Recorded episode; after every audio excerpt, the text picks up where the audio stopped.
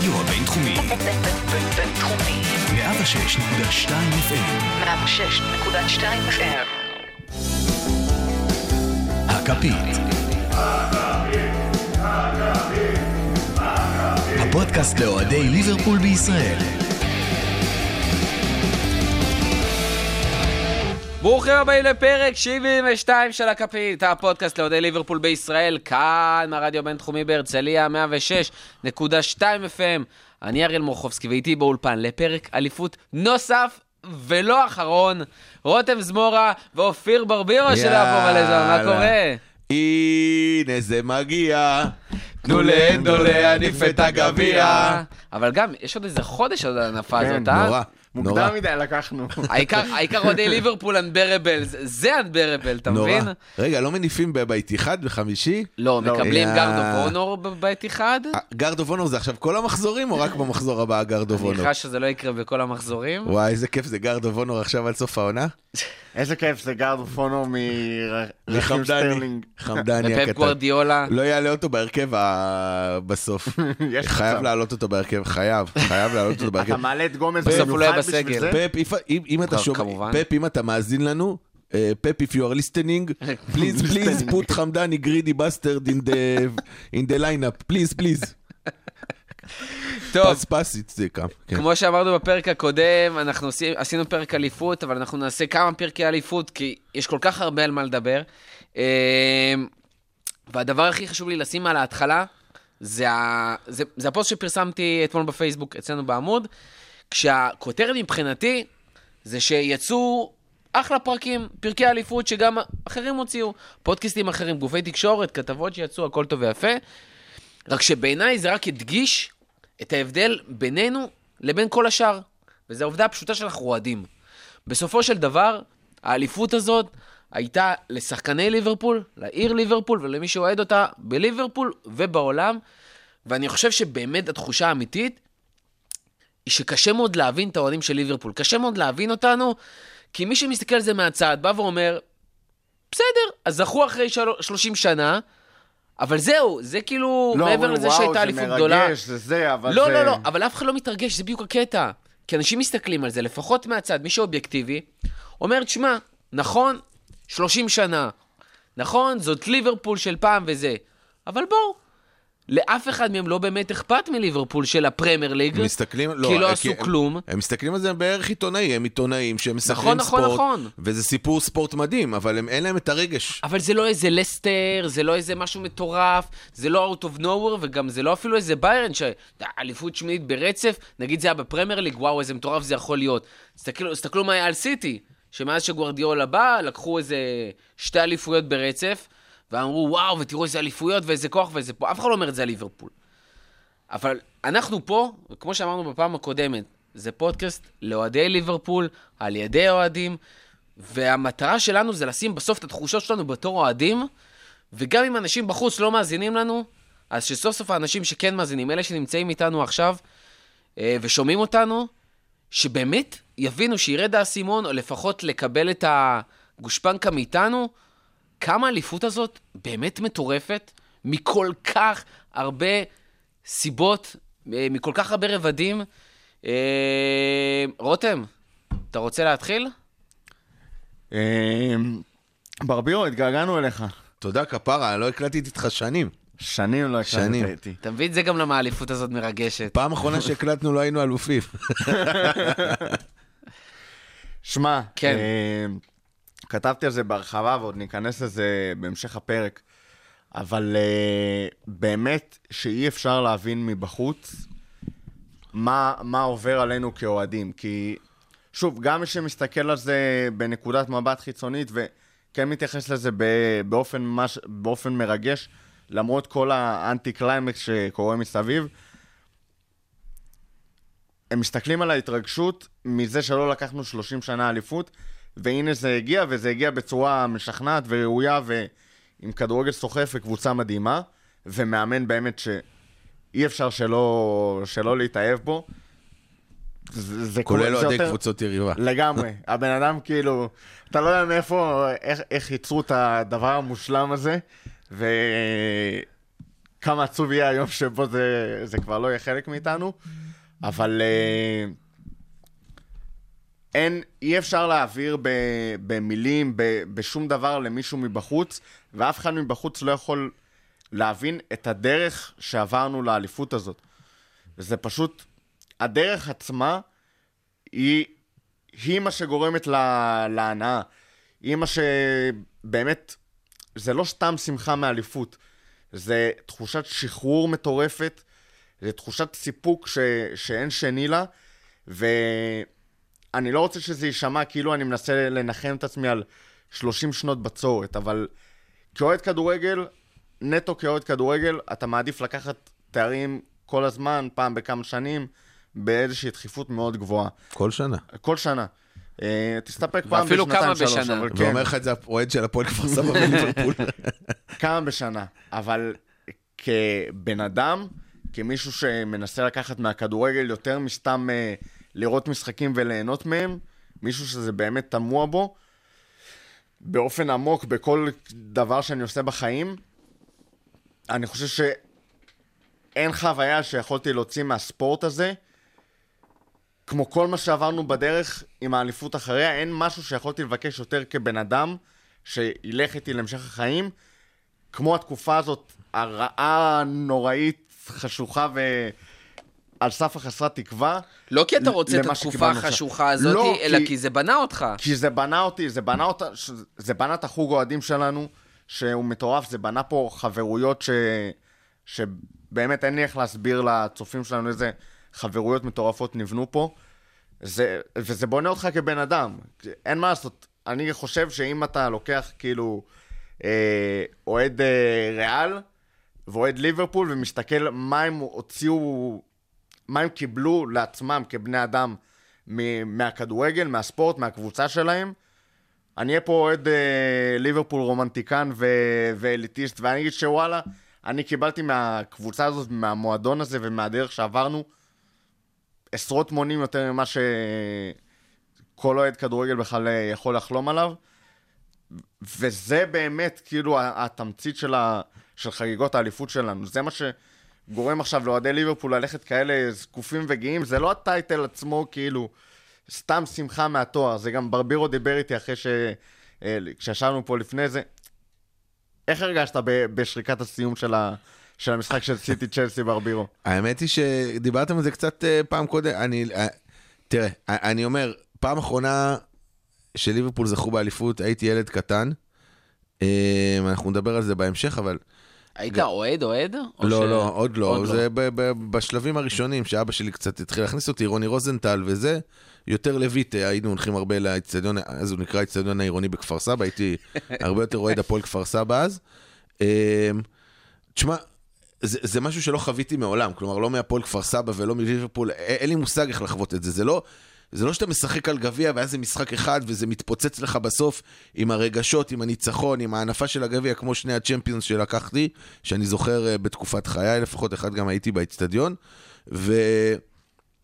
וזה גם לא היה משחק שלנו. זה גם, אתה יודע, אה, אה, זה כאילו, זה אנטי קליימקס מטורף, ואני יוצא החוצה ואני מסתכל על אנשים ואני אומר לעצמי, אני לא כל כך יודע מה לעשות עם כל הרגשות שמציפים אותי עכשיו. אני באמת לא יודע מה, מה אני אמור להרגיש, איזה, איזה, כלומר, היה, היה בי, הייתה בי מגיעה שמחה. שריקת הסיום, ואתה אומר, אוקיי, אנחנו אוקיי, ו... אלופים. אוקיי, ו... אנחנו אלופים. מה עושים אוקיי, עכשיו? כן. אפילו לא היינו ביחד לחגוג כאילו, כמו אז שהשחקנים תבין, אז אני חגגו. נותן כיף, ואני אומר, הנה, זה הכיף הראשון שלי בתור אלוף אנגליה. כיף עם המרפק, אה, ברבירו מדליקים- מסמן פה, שוכח שאנחנו לא עם כן. מצלמות הפעם. אה, מדליקים סיגר ואומר, הופה, זה הסיגר הראשונה שלי בתור אלוף אנגליה. כאילו, אתה מבין, זה- זה רגש אחר, אתה... זה מטורף. ומבחינתי לפחות, חוויתי את אותם דברים פחות או יותר, וההתרגשות האמיתית, השמחה האמיתית, ואפילו כאילו הדמעות הראשונות מהאליפות הזאת, שכשחשבתי עליה שהיא תגיע עוד שנייה, אה, נפרד הסר, הסכר והתחלתי לבכות, ו... אבל כשהיא הגיעה בפועל, כאילו הייתי על סף האדיש, אבל כל הדברים האלה הגיעו באמת שהתחלתי לכתוב על, ה... על לא, הדברים שעברנו, וכשחשבתי, כשאתה חושב על כל מה שעברת עד אז, אז אתה באמת מתרגש ושמח מה... כן. מהאליפות לא, הזאת. אני גם, אני גם מתחבר למה שאמרת לגבי אה, האוהדים והחברויות. וה... תראה, זה היה יום חמישי מאוחר בערב, ואני... אה, ושקלתי אם ללכת לראות את זה עם, עם אנשים במולי, ובאיזשהו שלב החלטתי, החלטתי לעשות את הצעד, כי אמרתי, מה, אני אראה את זה לבד בבית? זה גם ככה, אתה יודע, לא משחק של ליברפול. יש לך סיכוי לזכות באליפות במשחק שהוא לא שלך. מה, מה, נראה את זה לבד בבית? מה אני אעשה עם כל הרגשות שיצאו ממני? לא, באמת. חשבתי, ואז אמרתי, בשביל הסיכוי, האמת שלא האמנתי שצ'לסי יוציאו נקודות, אבל אמרתי, בשביל הסיכוי הנמוך ש, שיש, שניקח אליפות, אני, אני לפחות אראה את זה עם אנשים שמבינים אותי. אתה יודע, רציתי לראות את זה עם אנשים שמבינים אותי. כאילו בבית, הייתי רואה את זה עם אשתי, הייתה אומרת לי מזל טוב, וכל הכבוד. היא, היא לא מצליחה להבין את זה. היא לא מצליחה להבין את המסע שאתה עובר. היא לא מצליחה להבין את זה ש, שאנשים צוחקים עליך אה, עשרות שנים על, על זה שבחרת לעוד שתי מהקבוצות, ה, ה, לא, ה, אחת אולי מאותרת, אבל אחת בכלל, כאילו, אתה יודע, וגם שאין שום אופק או, או עתיד אה, לזכות באיזשהו אתה תואר. זוכר שרק ליברפול לקחה אליפות, נכון? כפר סבא עדיין לא... אה, מה זה? איך, איך אתה מדבר? כפר סבא קודם לקחה כל אליפות. נשארו ליגה, זה כבר, אה, אתה יודע, הבטיחו אה, יישארו. נשארו ליגה יום לפני, עוד אנחנו עוד דאבל חגיגה. זה הכי קרוב לאליפות שהם יזכו בשנים הקרובות. וזהו, אז אמרתי, אני לפחות אראה את זה עם אנשים שהם כמוני, שמבינים את זה. אתה יודע, ואתה מסתכל שם על אנשים, ונכון, שרים שירים, ואנשים שמחים, אבל אתה רואה שהם לא יודעים מה לעשות עם עצמם. כלומר, אתה, הם לא יודעים איך, איך להכיל את כל, ה, את כל הטוב הזה פתאום. עכשיו, שמע, מבחינתי... אחד- ואתה, בתור אוהד ליברפול, כל מה שאתה חושב על זה, זה פתאום, רגע, אוקיי, לקחנו אליפות, מתמטית זה שלנו, אני כבר יכול לשיר אה, We won the league, בלי ש... רגע, רגע, רגע, אה, עצור הכל, עצור הכל. אני רוצה עכשיו, שברבירו אתה, We won the תוכל league, לשיר. we won the league, and now you're gonna believe us, we won the league. אה, אבל רגע, אני אומר, אבל בתור אוהד ליברפול, שזה כל כך מוטמע רגע בך. עצרת לי את השוונג. כן. בתור אוהד ליברפול, שזה כל כך מוטמע בך, אתה אומר, אוקיי, לקחנו אליפות מתמטית, האליפות שלנו, סיטי לא יכולים זה, ופתאום אתה אומר, רגע, הופה, יש קורונה, יש איזה מטאור שמאיים להשמיד את העולם, כלומר, איכשהו... בפוד הכפית כבר שרים אה, חודשיים אה, שזכינו בליגה. איכשהו, משהו ב- ב- ב- ב- ב-DNA שלך אומר לעצמך, רגע, אולי לא. אולי, אולי משהו יקרה פתאום. אבל יודע, זהו, אתה ימצאו לא ש- יכול, לצאת אה, מזה. קלופ יצא אה, ב- בבדיקת סמים, אתה יודע, אבל זה משהו, יפסלו לך פתאום איזה עשרה משחקים. אתה לא אה, חושש עדיין שיבוא איזה... איזה מינוס מטאור. תשע נקודות. לא, אתה, אתה מבין כאילו כמה זה תמוה ב- ב-DNA שלך, שאתה אומר, רגע, רגע, נכון, מתמטית אנחנו אלופים, אבל העולם עכשיו נמצא בכזה כאוס, שאתה אומר לעצמך, לא יודע, אבל תן לי, תן לי, תן להרגיש קצת טוב. עוד חמש שנים ברביר הולך ברחוב צועק, יש! שלנו באמת. שמע, עכשיו, חלק מהחגיגות אליפות, זה בדיוק מה שאנחנו עושים פה, זה לצרוך ו... אה, לייצר ובעיקר לצרוך מלא תוכן על הקבוצה, שכאילו, זה האפטר פארטי שלנו, כל הסרטונים ביוטיוב, וואי, וואי, בפייסבוק גם, ומה שהקבוצה. מעלה. עכשיו, בהמשך ל... למסע שעברנו, הסרטונים שאותי הכי מרגשים ו... ומשמחים זה כל הסרטוני דורות האלה, שאתה רואה נכון. פתאום, אתה רואה בהתחלה את צ'רלי אדם וסטוארט דאונינג ו... וכל מיני אגדות. אגדות לחלוטין, דוד אנגוג. ואז לאט לאט הם מתחלפים ב... בסגל המטורף הזה, והדבר שהכי הכי ריגש והכי העביר בנו צמרמורת, זה התמונה של... אה, עם הציוץ של סטיבי שהעלה בטוויטר או באינסטגרם. באינסטגרם. יש תמונה שהוא. מעביר את סרט הקפטן שהוא מעביר את. סרט הקפטן לאנדו, והוא כתב שהוא לא יכל אה, להעביר את זה למישהו טוב יותר. וטלסי היקר ציין ככה, גם שהוא הוא בחן לעומק את התמונה, ורואים את המבט של סטיבי, מי שראה את התמונה הזאת ולא התעמק, תפתחו אותה מחדש, תסתכלו על, ה, על העיניים של סטיבי, ובאמת כאילו ה... העיניים לא יישארו יבשות. זו תמונה פשוט אין, אין אוהד שלא בכה, באמת. לגמרי. ואם אני אקח את זה עוד משהו, אז היה גם את ה... שזה גם... זה גם מופנה לאוהדים שהם ניטרלים, הסרטון של בליצ'ר ריפורט, שרואים את, ה, את האבא שהולך עם הבן שלו. אה, זה אבל, אתה יודע, זה, זה סרטון שמראש הוכן כדי לפרוט לך על כל נימי הרגש. כלומר, כולנו, לכולנו יש משפחה, אתה יודע, האבא אז המזדקן, זה, זה כאילו, והילדה, וזה קורה, כאילו, גם בתור אוהד אה, ניטרלי, זה פורט לך על כל נימי הרגש. כלומר, הכניסו שם את הכל. האבא שמת והילדה, כאילו הכל ביחד. אין מישהו שהראיתי לו את זה שלא, שלא עשה לו משהו, או הזיל דמעה, או משהו כזה. טוב, אני רוצה, בואו בוא נתקדם טיפה. אה, רצינו לעשות בפרק הזה איזשהו, אפרופו המסע ואפרופו החילוף של אה, סטיבי ואנדו, להסתכל טיפה אחורה, לא לעונה האחרונה, אלא כמה עונות אחורה, ולראות מה באמת הביא את, אה, את ליברפול של היום, מעבר לקלופ, שבנה את הקבוצה, ו... ומייקל אדוורדס שצריך אה, להקים לו ולקלופ פסל ביחד, מצידי וואי, וואי. בסגנון של אה, הנדו וללנה ביחד, כזה. אה, אבל אנחנו רוצים באמת לזכור את כל הדברים האלה שהביאו את ליברפול של היום, מאותה ליברפול האחרונה שזכתה באליפות. אז רותם, אתה רוצה להתחיל ככה? רועי אודסון. לגעת בנקודה הראשונה? לא? לא רואה. לפני, לפני. אה, טוב, לפני שנעבור ככה על כל המסע שעברנו, אה, יש מישהו אחד שככה כבר התייחסנו אליו בקטנה, אבל אה, לא תמיד מקבל לגמרי את החשיפה הראויה, וזה זה מצחיק להגיד את זה דווקא על הבן אדם הזה, סטיבן ג'רארד. שמקבל את כל החשיפה, ועם זאת, קיבל את כל החשיפה, עכשיו הוא כאילו... אה, תראה, כשאני מתייחס לסוגיה הזאת, אני מאוד מנסה אה, להימנע מאיזושהי תדמית שגם לי עצמי נבנית בראש, של כאילו, ג'רארד לא לקח את האליפות הזאת, ג'רארד סיים את הקריירה שלו בליברפול, בלי שום... אה, סיים את הקריירה בכלל. סיים את הקריירה בכלל, בלי אליפות. בלי אליפות, וזה נורא אה, קלישאתי ליברפולי לנסות להדביק לו כאילו איזושהי אליפות ש... שהוא לא זכה בה, ועברו כמה שנים טובות מאז שהוא עזב את ליברפול. אה, ובכל זאת, עם כל הקלישאתיות הזאת ועם כל הסטריאוטיפים של אה, אוהד ליברפול, רומנטיקן שמנסה להציל את ה... או לשבח עוד יותר את המורשת של אה, סטיבן ג'רארד, אני לא יכול להימנע מזה ולהגיד שלסטיבן ג'רארד יש חלק משמעותי באליפות הזאת, כי הקבוצה המטורפת שלקחה את האליפות נבנתה על איזשהו בסיס, היא לא הגיעה מ-out of nowhere, גם אם הבסיס הזה היה במקום השמיני, זה עדיין בסיס עם קהל שמאמין, למרות שקלופ אמר שצריך לה- להפוך אותנו מספקנים למאמינים, הסיבה שעדיין הייתה לבסיס אוהדים הזאת, אז זה איזושהי תקווה. אה, היה לנו את הצ'מפיונס ב-2005 שרשום בלעדית על, אה, על סטיבי ג'י, ולאורך כל הקריירה שלו הוא שמר אותנו, הוא שמר אותנו רלוונטיים.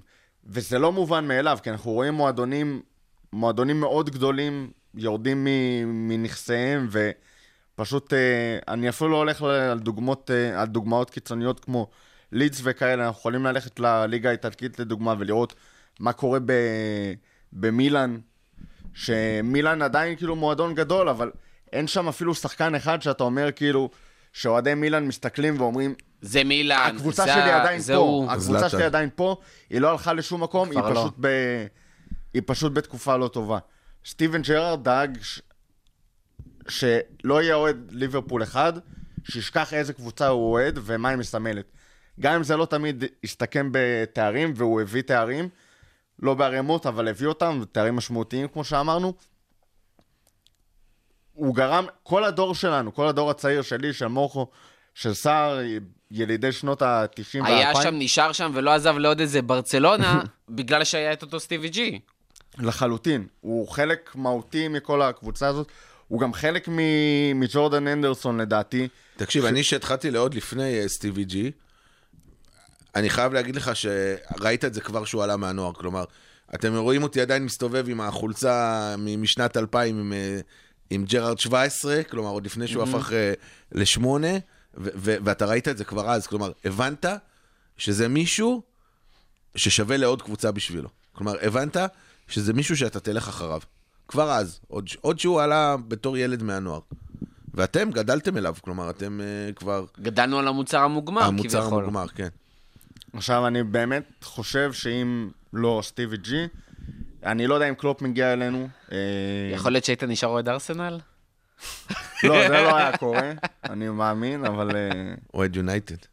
איזה מסכנים אוהדי ארסנל. אה, נכנסנו אותם פה בפתיחת העונה, צפינו להם עתיד אה, לא מטורף, אבל יותר מוצלח ממה שהם חווים. אה, אז כן, לסטיבי יש חלק באליפות הזאת, זה לא חלק אה, סופר משמעותי, אף אחד לא ינסה לטעון שהאליפות הזאת, אה, הוא צריך להניף אותה ביחד עם אה, אנדו או משהו כזה, אבל אה, אפשר להחזיר אותו מפרישה לשבעה מחזורים שנשארו? לא, לא, לא נראה לי שזה... לא, עשר דקות כל פעם, מה? יש נראה לי עוד אה, מחזורים בליגה הסקוטית שצריך זה גם- לאמן שם. כאילו, אתה אומר את זה בצחוק וזה, אבל אה, אני אתן לזה טיפה התייחסות רצינית. אה, זה לא מכבד לא את השחקנים ולא את סטיבי.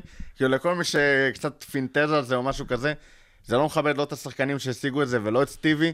סטיבי, כבודו במקומו מונח, אנחנו מעללים אותו עכשיו בדיוק בגלל שהוא לא שחקן שיבוא וישחק עכשיו שבעה מחזורים על תקן אה, פנסיונר על המגרש בשביל להגיד, אה, הנה יש לי אה, title של פרמייר ליג. זה לא, זה לא הייתה ה title שמגיע לו, ולא באופן הזה. הוא מבחינתו עשה את שלו. הוא מבחינתו אה, עשה את אז זה. בואו באמת נעשה את הריצה הזאת מההתחלה, ואנחנו רוצים להתחיל ב-1990, אחרי האליפות הראשונה. האחרונה. אה, האחרונה, סליחה. אה, כשאנחנו סוגרים בעצם שני עשורים, שבה ליברפול היא בעצם הדבר הכי דומיננטי בכדורגל העולמי, זה כבר לא באנגליה, זה לא רק שזה אליפות כמעט כל שנה, אה, זה גם צ'מפיונס בדרך, איזה שלושה, שלושה ארבעה גביעים, ויוצאים לאיזשהו סוג ואם של... לא איזל, היו שם גם יותר. כן, ויוצאים לאיזושהי דרך חדשה שמושפעת מ, מהייזל ומהילסברו ומהעזיבה של קני. אה, ו- ומהקמת הפרמייר ליג. ו- ומה קורה בעצם שם, שמוביל אותנו לאיפה שאנחנו היום.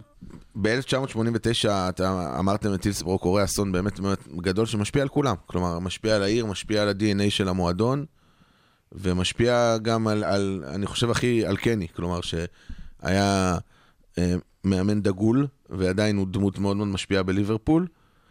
אה, ובעצם הוא, הוא עייף, הוא, הוא פורש כי הוא, כי הוא לא יכול יותר. ותשמע, זה שחקן שסיים את הקריירת משחק, נהיה מאמן, בגיל 37 כבר לקח אליפות. זאת אומרת, הוא פורש כביכול, בגיל סופר צעיר, נטו מכל העניין הרגשי של תקשיב, הילסבורג. קני לקח את טיסברו מאוד מאוד קשה. הוא גם נכח כמעט בכל הלוויות לדעתי, כמה שהוא יכל, כי היו כן. בטח כמה לוויות במקביל, אבל הוא נכח בכל הלוויות והלך לנחם את כל המשפחות של ההרוגים, וזה גובה ממך מחיר, כלומר, אתה יודע, אה, אה, ב- בצבא לא נחשפתי לכזאת כמות, אבל אתה יודע, מספיק אחד, וזה זה גובה ממך מחיר נפשי כבד. ושזה 96 זה מחיר נפשי שהוא הוא גדול, על, הוא גדול על בן אדם, והוא לא יכל לשאת את זה. ואז גם, אה, כמו שרותם אמר, הוקמה הפרמייר ליג והתחיל הכסף הגדול, והניהול שלנו היה ניהול רומנטי, הוא לא היה ניהול אה, מודרני ועכשווי. אז זהו, כשהתחל- כשכתבתי את הפינה הזאת לליינאפ, הבאתי את זה מהמקום של... אה, אני תמיד, כמו שאני אומר, מסתכל על הכדורגל ומנסה לקחת את זה גם דברים לחיים, כי זה אחלה דרך מבחינתי ללמוד מטעויות שאין לו שלי אישית. אולי של המועדון או של מועדונים אחרים, אבל ללמוד דברים שהמשכנו מהחיים. להינשא על גלי הרומנטיקה, ולא הבנו את החידושים של עולם הכדורגל, את הניהול המקצועני של המועדון. החל מ-90 יש פה שני דברים שנשארנו בהם בעבר. א', אחד מהם הוא מובן, ואני לא יודע לגמרי איך היה אפשר להתנהל איתו אחרת, אבל... וזה באמת אסון נילסבורו. אי אפשר היה להתנהל אחרת. אי אפשר היה להתנהל אחרת, בטח אבל... לא עם מה שקרה, הר- הר- הלך הרוח באנגליה, אתם גם הייתם צעירים, אני גם לא הייתי איזה בוגר גדול, אבל כלומר, כל הלך הרוח בחדשות ובעיתונות והכל, זה היה האשמה של אוהדי ליברפול. כלומר, זה הלך הרוח באנגליה, כלומר, כל, כל, ה, אה, כל המדינה האשימה את אה, אוהדי ליברפול, זה לא רק עיתון הסאן, שהשם ייקום דמו, אלא באמת, זה הלך הרוח שהיה. כלומר, אוהדי ליברפול היו שיכורים, היו משוגעים, רצחו אחד את השני, כל ה... קשה נורא להתאושש מזה. אתה- זה, זה, זה לא משהו שהוא פשוט, לא, לעיר- באופן כללי לעיר ובטח למועדון. ומה שאנחנו רואים מהאליפות הזאת, וגם דיברנו על זה, זה שחלק מהדברים שאתה צריך לעשות בשביל להצליח, זה לשים מאחוריך את, ה, את הטעויות שעשית, ללמוד, מהדברים הרעים שקרו לך, ללמוד מהם ולהמשיך הלאה, כי אם תמשיך ל- להתעסק בזה ולהיאחז בזה יותר מדי זמן, אתה, אתה פשוט דופק את עצמך. אה, וכמו שאמרת על, על הפן המקצועי, הדבר, אחד הדברים הכי משמעותיים שקרו לליברפול, זה ההישארות הזאת מאחור. הגיע ונגר, הכניס מקצוענות ש... שלא נראתה בפרמייר ליג, ולקח לה הרבה מאוד זמן להגיע לליברפול. הגיע הפרמייר ליג והגיע יונייטד, שהפכה למכונה מסחרית מטורפת, מטורפת. מאוד מאוד מהר, וגם בזה ליברפול ומכונה נשארה המון- מקצועית מטורפת, צריך לזכור. גם כל, כל מקצועית. מה שפרגי עשה שם של כן, אבל ליצור אתה יודע, שחקנים זה, מתוך האקדמיה, להביא את זה השחקנים הביצה הנכונים. והתרנגולת, זה- הם, הם עשו את הדברים האלה במקביל, אתה לא יודע מה הוביל למה, כלומר, האם המקצועיות שלהם הובילה להתפתחות לא, לא, זה הפיננסית? בטוח, לא, אבל היה שם גם וגם, ההתנהלות הפיננסית. שלהם, הראייה הזאת של, אוקיי, הפרמייר ליג הולך לצאת ולהתפרץ מעבר לגבולות. הגלובליזציה, הם ראו את הגלובליזציה, בדיוק. הם הראשונים שראו את הגלובליזציה. וניצלו את זה יפה מאוד, מטורף. אפשר לראות את זה עם הקהל שלהם ב... עד היום, דרך אגב, במזרח. Worldwide, כלומר, ברחבי העולם יש להם יותר אוהדים מליברפול, נכון. ויותר מריאל ויותר מברסה גם. זה המקום שנשארנו בו מאחור, וזה שיעור לחיים שצריך... גם ש... היינו ב top שלנו, היינו ב peak, היינו קבוצה מטורפת, וקצת נחנו על זרי הדפנה, לא עקבנו אחרי מה שקורה בשטח, והנה 30 שנה במדבר. אז זה השיעור הראשון לחיים, ונלך ככה עד כרונולוגית. FSG כפרה עליהם. עד FSG. שהביאו את הקדמה לליברפול. לגמרי. טובה ומוצלחת. מה זה את הקדמה לליברפול? הביאו את הקדמה, קדמה שמקדימה, כלומר, פעם ראשונה שאתה יכול להגיד על, על ניהול של מועדון כמו ליברפול, שהוא בחוד החנית של המועדונים בעולם, אם לא מקדים אותם אפילו. תמיד היינו נסרחים מאחור, והיום אתה אומר, וואלה, יש לנו ניהול שלא מבייש אף, לא מבייש אף קבוצה אחרת בעולם, כולל קבוצות NBA וכאלה. עכשיו, יש לי שאלה אליך, ברבירו. בסוף שנות ה-90 אנחנו יודעים מן הסתם שהיה שם איזשהו באמת בוז של שחקני בית של ליברפול, אה, פלוס עוד תוספת של שחקנים שבאמת הביאו עוד איזושהי עלייה כזאת, ואנחנו זוכרים את הטראבל, ה- את המיני טראבל ב-2000, אבל, 2001, סליחה, אבל אנחנו. מדברים, על, אנחנו מדברים על סטיבי, ואנחנו מדברים על זה שהוא החזיק בשנות האלפיים בעיקר אה, את ליברפול. מה החזיק את ליברפול בשנות ה-90? מה, מה היה שם שהשאיר את הלהבה בוערת כדי שבאמת יוכלו לחזור ו... ואתה יודע, לגרד ככה את. את העליונות באירופה? לא, לא יודע. אה, תראה, שנות ה-90 היו ש- שנים מורכבות אה, בתור אה, אוהד ליברפול. ראית קבוצות כמו, כמו בלקבורן פתאום לוקחים לך אליפות, ועוד שמאמן אותם קני, שאחרי שהוא חזר מה, מהפרישה, והתחילו לעלות לך כל מיני קבוצות אה, כמו ניו קאסל, שפתאום עלו והיה לך משחקים מטורפים של 4-3 אה, אה, עונה לעונה, לדעתי 96-97, אם אני לא טועה. יונייטד ששלטה באופן אה, מוחלט אה, בליגה, וארסנל, לא יודע, אה, בעיקר הרומנטיקה וה, והגעגועים לעבר. זה עדיין היה קרוב לקבוצה. זה עדיין היה קרוב לזה. אני חושב שבעצם, אתה יודע, אולי 99 זה התחיל להשתנות, לא יודע. כלומר, שוב פעם, עם הקבוצה, שאתה יודע, פאולר, מקמנמן, פתאום כל השחקני אה, בית האלה שקראו להם ה Spice Boys, אתה יודע, אה, וואי, איך אהבתי את הקבוצה הזאת. זה באמת הייתה קבוצה... אה, קבוצה מדהימה, ואז אתה, אתה, אתה יודע, גם המועדון התחיל אה, לקבל רוח חדשה. למרות שהיה מאמנים ככה, אתה יודע, ז'ראר הולייה וכל מיני כאלה, לא, לא, לא מאמנים להיט. ואז הגיע בניטז, וגם, אתה יודע. רותם? אה, כן, השיעור הבא שלי לחיים, ממסע האליפות הזה, זה שרומנטיקה זה, זה לא תמיד מספיק. אה, וזה נכנס לעידן סטיבי ג'י שדיברנו עליו, שהביא תארים, אבל הקבוצה הזאת באמת, אה, במיוחד בקמפיין של 13-14, אבל גם בשנים אחרות, מאוד נאחזה בכנפי הרומנטיקה, ובכל הדברים המיסטיים של זה כתוב בכוכבים, ו... אספנו, ב, אני זוכר, ב-13-14, מלא סטטיסטיקות כאלה שמאדירות הרומנטיקה, והנה למה זה יקרה דווקא השנה, ולמה דווקא אז זה הולך להיות שלנו. והמציאות אה, טפחה על פנינו, וגילינו שעם כל הכבוד ל...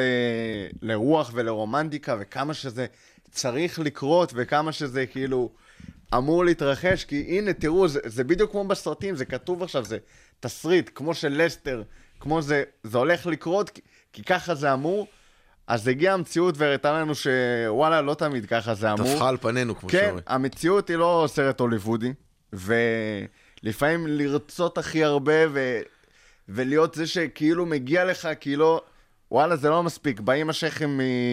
בוא, אם אני אעשה. עכשיו תחרות ריצה נגד אה, יוסיין בולט, גם אם יהיה לי את הכי הרבה תשוקה, התשוקה על המגרש, ואני ממש ארצה לנצח אותו והוא יזלזל, הוא עדיין ינצח אותי. כן, וזה משהו ש... עכשיו, בעיקר לדור הצעיר שלנו, זה משהו שקצת אה, חומק מהם, כי זה נורא קל אה, ללכת אה, שבי אחרי כל מיני הבטחות של אם, אם תנסה מספיק, ואם תרצה מספיק, ו... אז זה יגיע. לא, לא, אני מורה, שום- אני לא יכול להגיד שלא. תנסו, תנסו. לא, זה- תנסו, אי אפשר להצליח בלי לנסות ובלי להתאמץ הכי הרבה, ואנחנו עוד אבל נגיע זה לזה. גם מה ששובה אותנו כאוהדים, אבל רותם. כן הרגש הזה, וכן שאתה רואה את הקבוצה שלך נלחמת, גם אם היא מפסידה, אתה רואה את התשוקה על המגרש, זה משהו שאתה לא יכול לקחת נכון, אבל זה. לא מספיק. זה לא מספיק, זה, זה לא עומד זה לא בפני. עצמו, אתה נכון. צריך לשים דברים בשטח, אתה צריך להיות מקצוען, אתה צריך לעבוד גם הכי קשה, אתה צריך, ואתה צריך להתחייב. אמ, וזה איזשהו לקח שלמדנו. בי הוא הכה הכי חזק בבעיטה שאני לא מפסיק לדבר עליה, של קרגר במשחק הפרישה שלו. הבן אדם טיל מ-30 מטר, רשום לך, כאילו, אין, אתה מסתכל על זה, ואתה אומר, איזה קלאסי זה, איזה רומנטי זה, שככה הוא ייפרד. ואיזה יונה הוא הרג. ולא, לא, לא רק יונה, בחיבור, אבל לא בחלק הטוב שלו, אלא בחלק שמעיף את הכדור למעלה. בימים יותר טובים זה נוחת על פיקפורד ואז לרגל של אוריגי, אבל באותו יום זה התעופף לו ליציע. אז אה, כן, זה הלקח מתקופת סטיבי ג'י. אה, ועוד מתקשר אליו, ומה שדיברנו אליו, זה... את זה אתה כן תעריך כמורה. זה באמת הקטע הזה של לעולם לא תצעדי לבד, והתקווה הזאת שנשארת, כי הרומנטיקה הזאת שלא באה לידי uh, התגשמות ולא באה לידי uh, יותר מדי תארים, זה דברים שיכולים לשבור אותך ו- ואתה לא תקום מזה. וליברפול כמועדון, כעיר, כקהל, המשיכה, הוכ- הוכיחה לחלוטין את המוטו הזה של לעולם לא תצעדי לבד. שהרבה יותר מהותי גם בשלושים שנה האחרונות מאשר שמע, בשנות אני- ה-70 אני אגיד לך- וה-80, כשליברפול הייתה כל הזמן בטופ. אני גם אגיד לך, ה- ה- חוויתי את זה על בשרי. כלומר, בגמר באיסטנבול, שכולם מדברים על זה, שהמחצית היה 3-0, וזה היה... עכשיו, זה לא היה 3-0, זה היה מעבר ל-3-0, זה היה נראה 3-0 הכי קליל בעולם, זה נראה כאילו מילאן משחקת נגד האנדר 14, כאילו, משהו כזה, זה היה נראה, זה היה נראה זוועה. ואתה יודע, בארץ, אתה יודע, אתה רגיל למשחקים של הפועל כפר סבא, שאנחנו ש- 3-0 במחצית, אז מה אתה עושה במחצית? מקלל את האם אימא של השחקנים, את האם אימא של השופט, את האם אימא של אבא שלך שלקח אותך למשחק, אתה מקלל את כולם. והשירת You never walk alone המטורפת הזאת במחצית, אתה לא יכולת להישאר אדיש אליה. כלומר, אז זה היה משחק ראשון שאני רואה עם הקהל חוץ, כאילו, ב- של ליברפול, וזה היה מדהים, ו- ו- וזאת רוח המועדון אבל. זה מה שהחזיק אותם מזה. אבל. לשיר את זה במחצית ולרכב על זה במחצית אחת, זה מטורף, זה מדהים, אבל אני, אני עוד יותר מעריך את זה ועוד יותר לוקח את זה כמשהו לחיים. כל כך הרבה שנים שרנו את זה, זה, זה לא אמונה במחצית אחת ואז הנה זה מתגשם.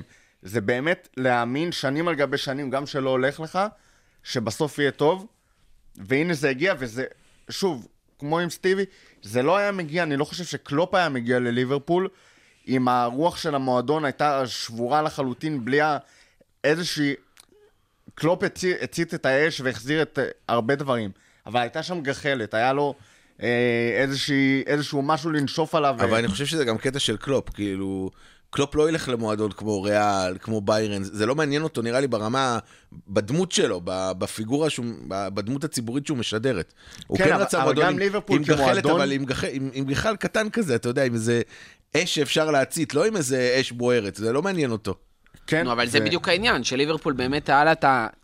כל הרעיון של תקופת סטיבי, בסופו של דבר, הוא לא הצליח להעביר את האש בטירוף. אבל הוא הצליח לשמור על אש, שזה לא ברור מאליו, בקבוצה שהיה לה כל כך הרבה כישלונות בדרך, שלא לדבר על מה שעברנו ב-2010, 11, 12, ואז פתאום עדיין כמעט לזכות באליפות, אה, או לקחת גביע שם בדרך עם, אה, עם קני שהגיע לחצי שנה. אז זה באמת היה לא ברור. ו... וקלופ ראה את האש הקטנה הזאת, לא הגחלת אפילו, את האש הקטנה הזאת שבוערת, ואמר, אני הולך להדליק את זה בטירוף. כשיש לך גם אבל שינוי במועדון של הנהלה, שיכולה ורוצה להדליק את זה בטירוף. אני חושב שקרה- כי לפני זה לא היה לך את אני זה. חושב שקרו שלושה דברים שקרו די במקביל. אחד זה FSG, שבאמת, אה, אמר, אמרת לפסל של אדוארד, זה, זה, זה, זה לא מובן מאליו, הוא צריך, האיש צריך פסל, אין ספק. זה הניהול של FSG, זה ההגעה של קלופ, וזה הזיכויים של אה, אוהדי ליברפול. כלומר, היציאה, הפרסום של האמת במה שקרה באילסבורו, ונכון שלא היה, היה איזה מעצר אחד אולי של ראש המשטרה של שפילד, אבל לא מעבר לזה. כלומר, עצם זה שזיכו, כלומר, ש... משהו, משהו, איזה אבן כבדה כזאת יצא מהרוח של ה... כלומר, מה- מה- מההלך רוח בעיר, אתה יודע, שפתאום אומרים, המשטר התייחס אליכם חרא, אה, אה, זלזלו בכם בגלל שאתם ליברפולים, בגלל שאתם צפוניים, בגלל כל הזה, ובאמת המשטרה הייתה שם אה, זוועה, והשלטון היה, כלומר, עצם זה ששחררו אותם, אני חושב ששלושת הדברים האלה במקביל עשו קסם לליברפול. עכשיו, אני רוצה להגיד, אני בטוח, כאילו, אני לא חושב, אני בטוח, שיהיו אנשים שיזלזלו בעניין הזה של, אה, של הזיכוי של הילסבורו. אבל מה שאני חושב שאנשים לא מבינים, אותם אנשים, זה ה... כמה ב... במקומות כמו ליברפול, העיר משפיעה על המועדון. זאת אומרת, השחקנים, זה לא ש... בארץ, נגיד, שחקן משחק במכבי תל אביב, וגר ב... לא יודע, בראשון לציון, או בווטאבר, פה זה שחקנים שגרים בעיר מאוד ספציפית, שמאוד מנותקת מערים אחרות, שהאווירה שם היא מאוד שונה מלדוגמה לגור בלונדון, או לגור במנצ'סטר, או לגור בניוקאסל, ויש לה לא, זה די. דומה לניוקאסל. ואתה אתה מסתובב עם אותם אנשים, אתה, אתה אוכל ליד אותם אנשים, אתה חי אותם. וזה אותם אנשים שלפני 30 שנה עברו משבר הזיה. וזה לא עניין של להפסיק לקחת אליפות. זה עניין שאין מישהו בליברפול שלא מכיר מישהו שמת בהילסבורו. ברמה כזאתי. וכל הסיפור של אוהדי אברטון ואוהדי ליברפול, שבסוף הם כולם משפחות. אה, והשחקנים מרגישים את זה.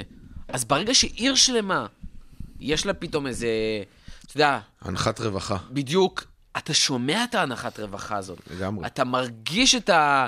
את כל הרגיעה הזאת פתאום, את השקט הזה, את. את הפטיש הזה בבית המשפט שדפק ואמר, הכל בסדר, ו... וזה נותן לך כוח. ודיברנו בפרק הקודם על הסגנון שחקנים שבכלל מביאים לליברפול, שעברו פה איזה יום המאה כזה בשביל להתאים לקבוצה. ושחקנים שאתה עובר עליהם, ואליסון וטרנד ורובו ו... וגומז ווירג' ואני אלך אה, עם כל ההרכב קדימה, זה שחקנים שבאמת במהות שלהם יחסית פשוטים ומתחברים לדבר הזה. הם לא מרגישים גדולים מהעיר, הם לא מרגישים כוכבי על, הם שם, הם גרים לידם, הם מסתובבים איתם, ו- ולחלוטין באמת יש לי את התחושה שזה כוח ענק שהביא להם בשביל להגיע, לזכות גם בצ'מפיונס וגם באליפות הזאת. וזה מתקשר בדיוק עם הנקודה הבאה והשיעור הבא שלי לחיים,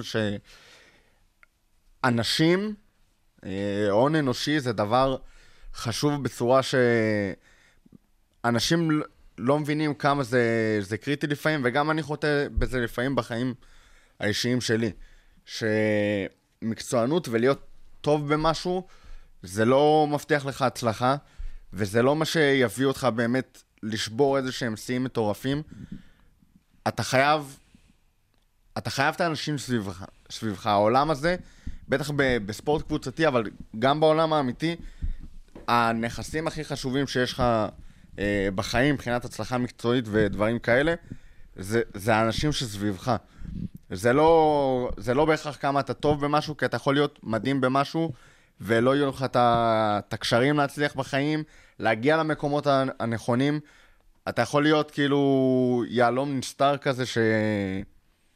שאף אחד לא יצליח להתחשף אלי, אליך, וגם בהצלחה בסביבת עבודה ובצוות, התרומה, ואת זה הכי אפשר לראות על ליברפול כקבוצה, כמועדון, בעיקר כמועדון. בעיקר כמועדון, זה שהצלחה היא מגיעה דרך שיתוף פעולה, דרך עבודה ביחד, ולא בהכרח דרך כישרון נטו, כי אם מסתכלים באמת שחקן-שחקן בקבוצה הזאת, ואני לא מכיר אישית את הצוות המקצועי, ואני בטוח שזה קורה גם שם, הדבר הכי מוצלח בקבוצה הזאת זה, זה ההון האנושי, וזה איך שאנשים עובדים ופועלים ביחד.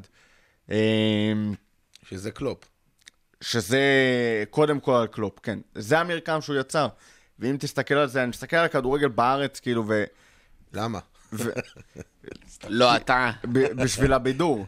אה, לא ראיתי קבוצה אחת, למעט אה, אולי קצת אה, מכבי השנה, אבל זה מצחיק להגיד על ההון האנושי שם. אבל... הון איכותי, אה, אצילי. שתהיה לי בריא ברבירו. אה, אתה רואה בארץ מישהו, איזושהי קבוצה נבנית על, על, על החומר שחקנים מבחינה אנושית? לא. כאילו זה... אבל אני חושב שזאת הגדולה אבל של קלופ, כלומר, תראה, האליפות שעשינו היא, היא היסטרית והיסטורית, כלומר, היא אליפות ברמת הביירן בגרמניה, אליפות ברמת היובה באיטליה, אליפות ברמת אה, פסאז' ב, בצרפת, וזאת ליגה תחרותית. אנחנו בליגה תחרותית, אנחנו לא בליגה הצרפתית. כלומר, אין לנו בעלים שאתה יודע, הוא משתעל ויוצא לו שטרות של דולרים כמו פסאז' או, או כאלה. זה ליגה תחרותית, לא ביירן שלוקחת שמונה שנים ברציפות. וזאת הגדולה של קלופ, כי אם תסתכל על ליברפול, תקנו אותי אם אני טועה איפה גיא, שהוא יודע נתונים פיננסיים, אנחנו אפילו לא ב top three. כלומר, אנחנו אפילו לא ב top שלוש של הקבוצות העשירות באנגליה. לא, לא, באנגליה עכשיו אולי כן, אבל... אה, אנחנו ב top שלוש באנגליה? תלוי, תשמע, זה תלוי אם? אתה מסתכל על המועדון או שאתה מסתכל על הבעלים. אם אתה מסתכל על הבעלים, אני לא חושב, כי יש לך שם את אה, צ'לסי, סיטי ו- ויונייטד. צ'לסי סיטי... אה, אבל, בטח אם אני נסתכל על זה בתקופה לפני שקלופ הגיע, כי זה המסע ולא איפה שאנחנו עומדים עכשיו. אז כן, לא היינו ב... לא היינו לגמרי ב... ב top, וגם, אגב, כתבתי על זה בואו, כש... ב net worth, מינוס פלוס, כאילו, מכירות וקנייה של שחקנים, אפילו אברטון הוציאו יותר מאיתנו. כלומר, זה, זה הגדולה של קלופ אבל. זאת, אני חושב, ו- ואדוארדס, כן? שוב, זה, זה הניהול הזה של 19 המועדון. 19 מיליון על אה, סולנקי, בוא. זה, צריך רק בשביל זה לעשות עליו פסל. אה, אבל כן, זה הניהול של המועדון, אבל זה גם הגדולה של קלופ. כלומר, לקחת את אוסף השחקנים האלה, ש... אה, אין לך superstar בקבוצה, כלומר, גם מאנה שמפקיע שערים וסאלח שנחשב superstar כביכול, או, או בובי, זה, זה לא שחקנים שהם, זה לא מסי רונלדו. זה אה, לא מסי רונלדו, זה לא אותם שחקנים כמו שאתה רואה שעם עם ניימאר, ומה שקורה בפ.ס.ז', ומה שקורה בריאל מדריד, ו- וכל הבאמת השחקנים שהם גדולים מהחיים, בלי קשר למגרש גם, והם מחפשים את הדבר, וזה בסדר, זה בסדר גמור, אבל זה בדיוק ההבדל בין המרקמים של קבוצות אחרות לבין המרקמים של ליברפול. שזה הגדולה ואני של אקח קלופ. את הנקודה שלכם מהשחקנים ואמשיך לנקודה הבאה בסדר הכרונולוגי, זה שלפעמים בחיים מגיע שלב שבו אתה צריך להתחייב וללכת עם משהו full power, גם כשהוא לא ודאי לחלוטין, וזה ההבאה של אה, אה, וירג'יל ואליסון. כי עם כל הכבוד לכל הדברים שקורים מסביב, וכל ההתקדמות והבנייה שקלופ עשה, בלי לשים את הכסף הגדול ולהתחייב וללכת all in, מה שנקרא, ממש שמנו all in על אליסון ווירג'יל. לא היה פה, אם היו נפילות, היית עומד עכשיו במקום אחר. התחייבנו לזה. אני לא אומר לאנשים עכשיו, כאילו, קחו leap of faith, לא משנה איפה אתם נמצאים, ויאללה, תתחייבו למשהו ב-100%, כי זה יכול כאילו לא לעבוד. אבל אם אתה רוצה כן, באמת... תאר לך וירג'יל היה יוצא פלופ. אם אתה רוצה באמת להצליח, אה, ואתה נמצא גם, במ... היינו במקום בריא שיכול לקחת את הסיכון הזה. אה, אם הוא לא היה עובד, כנראה שלא היינו אה, אלופי אנגליה או אלופי אירופה או גם וגם, אבל לא היינו... אלופי העולם, אלופי הגלקסיה, אל תשכח. לא היינו מגיעים לקרשים. אבל כן, יש מקום שאם אתה רוצה לעשות את הקפיצת מדרגה בחיים שלך, אתה צריך לשים בזה את, את כל המשאבים שלך, את כל, ה, את כל הכוחות שלך, כי לעשות דברים בחצי כוח ולנסות להמשיך בדרך הזאת של לבנות, ב, לבנות פאזל כזה לאט לאט רק במציאות, עזוב, זה כמו הקטע עם הרומנטיקה, זה לא ריאליסטי. באיזשהו שלב אתה צריך ללכת all in ולהתחייב למשהו בשביל באמת לגרום לו לעבוד, אם אתה רוצה לפרוץ מגבולות הבינוניות. שלב הבא? השלב הבא זה, אנחנו מתקרבים עכשיו לחגיגות, וזה שההצלחה לא תמיד נראית כמו, ש... כמו שקיווית שהיא תיראה. כמו שקיווית שהיא, תיראה. בגלל זה, אגב, גם uh, להתעסק כל הזמן ולחלום כל הזמן על ה... נטו על הרגע של ההצלחה, בלי כל מה שעברת בדרך, זה מתכון לשברון לב ול... ולאכזבות אין ספור ולחוסר הנאה מה... מההצלחה. האליפות הזאת והחגיגות האלה לא נראות כמו, כמו שתכננו בכלל, בכלל, בכלל. אה, אבל צריך, צריך ליהנות מזה, וצריך ללמוד לשאוב אה, את ההנאה מההישג, בטח שהוא בא בדרך כל כך קשה. גם אם זה לא בדיוק כמו שתכננת, כי אין, שמע, האהדה שלנו לכדורגל מנפצת כל uh, קלישאה רומנטית ופנטזיה שנוצרה לך בסרטים. אין שום דבר כמעט ב- בתקופה האחרונה בליברפול שאומר, אה, זה נכתב בשביל סרט. יש דברים שאתה יכול כאילו להיאחז בהם, אבל אף סרט לא היה נכתב ב... טוב, ליברפול אחרי 30 שנה, באה הקורונה, כל האוהדים חוגגים בבית. אה, אין מה לעשות. או חוגגים בחוץ ומדביקים אחד את השני. אין מה לעשות, ההצלחה לא תמיד נראית כמו שאנחנו רוצים, וצריך עדיין ללמוד ליהנות ממנה.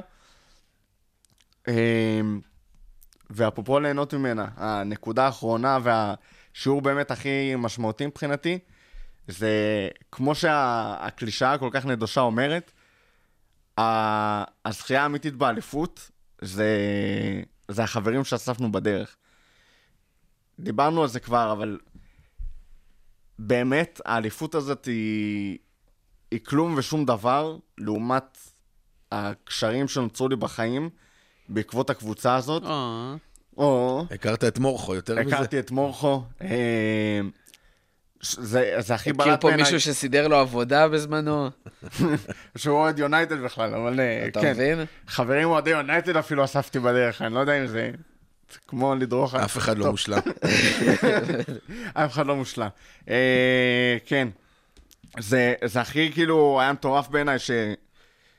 כשהתחתנתי ונכנסתי לחופה עם אה, You'll never walk alone ובצד עומדת שם שורה של איזה 20 אוהדי ליברפול שרים ברקע וזה חוליגנים. חוליגנים לגמרי. ומזייפים, והדי-ג'יי גם הריץ את זה, זה את, ה- you never- את, ה- את הסוף של ה-Walk on, Walk on איזה שבע פעמים עד שכבר לא, נש... כבר לא היה להם כוח לשיר, אבל אה, כן, שמע, זה... להיות אוהד של קבוצה וליהנות מהקבוצה, ו... זה כל כך הרבה יותר מאשר לשבת בבית וכאילו...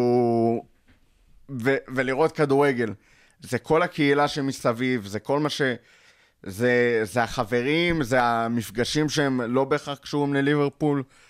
אה, ו, וכמו בסרטון של בליצ'ר, זה הכרנו ככה כ, כילדים, אני הכרתי את, אה, את סער וכל החבר'ה כשהייתי בן 18 ב, בצבא, ואתה ממש יכול ללכת אחורה ולהיזכר ככה ב, בתקופות שלנו על מדים, ושהיינו מגיעים מה, מהבסיס או מהקייטנה שלי בקריה. אה, מגיעים כאילו לראות ביחד משחקים, ואחר כך חלק מהחבר'ה שלנו, עזוב התחתנו כמוני, גם אה, הביאו ילדים, וזה... זה פסיכי לחלוטין, אתה מסתכל על זה אחורה, וזה מה ש... שמרעיד אותי, חבורה של אנשים שהכירו בתור חבר'ה צעירים, מוכי גורל, עם קבוצה באמת על הפנים, הדמעות ביחד, הסבל ביחד, כל הקללות וכל ה... הצ'ארלי אדמים והסטוארט דאונינג וכל הדברים האלה, ומאמנים, וינשוף, ושאימן אותנו, וכל מיני דברים. הזויים לחלוטין. כדורי ים שנמצאים לך על. המגרש, וכדור שש נכנס אחת לך לשער. במשחק פרישה של סטיבי. אפרופו חוסר ברומנטיקה, שש אחת, הפסד שש אחת במשחק לסטוק. פרישה של סטיבי. כל כך הרבה במאי- שיט. במאי ממש גרוע אחראי לכל ממש. הדברים ממש. האלה. מה זה במאי טורקי נראה לי, של איזה טרגדיה יוונית, או... כן, בדרך כלל החלק העצוב בסרט הוא כאילו איזה חצי שעה, לא, לא 30 שנה, כאילו. כל כך הרבה חרא אכלנו ב- ביחד, וזה רק חיבר, חיבר אותנו יותר ויותר. ואני אגיד פה פשע רציני, אבל You You never walk alone הכי משמעותי ששרתי היה אפילו לא בגמר צ'מפיון שלקחנו, היה לפני זה. הכי אוהד אכזבות זה שיר, אני מצטער לבשר לכם, שיר לאוהדי אכזבות. כי וואלה, לשיר אותו כשאתה זוכה אבל ואלוף זה בדיוק מה ושמח. שאמרתי, תחשוב על זה שבשנות ה-70 וה-80, You'll never walk alone לא הייתה כזאת משמעות מטורפת, כי בוא, אתם זוכים כמעט כל שנה באליפות, צ'מפיונס והכל. בשנות ה-90, 2000 ועכשיו, בעשור האחרון, fucking יש לזה משמעות. באמת, כאילו, אנחנו לא נעזוב אותך, למרות שכבר אין את אותו הרכב, אין את הזכיות, אין את התארים, אין פה ושם.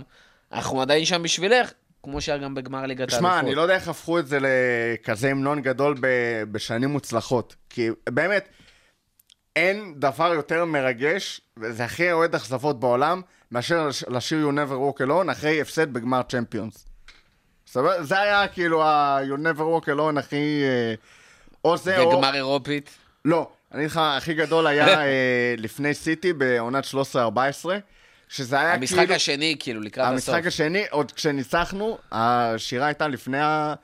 אה, כמה זכור לי לפני המשחק, שאתה כאילו שר את זה עם כל הסבל שעברת, והנה עוד רגע, תראה, אנחנו תפילה כזאת, ואז התרסקנו לגמרי אחרי צ'לסי, ואז בא אה, עוד אחד כזה, אבל אה, באמת, יואו, הברבן, איזה מקום. פתאום וואי, נזכרתי בברבן. הברבן, זיכרונו לברכה, יאללה. איזה געגועים. זיכרון צדיק לברכה.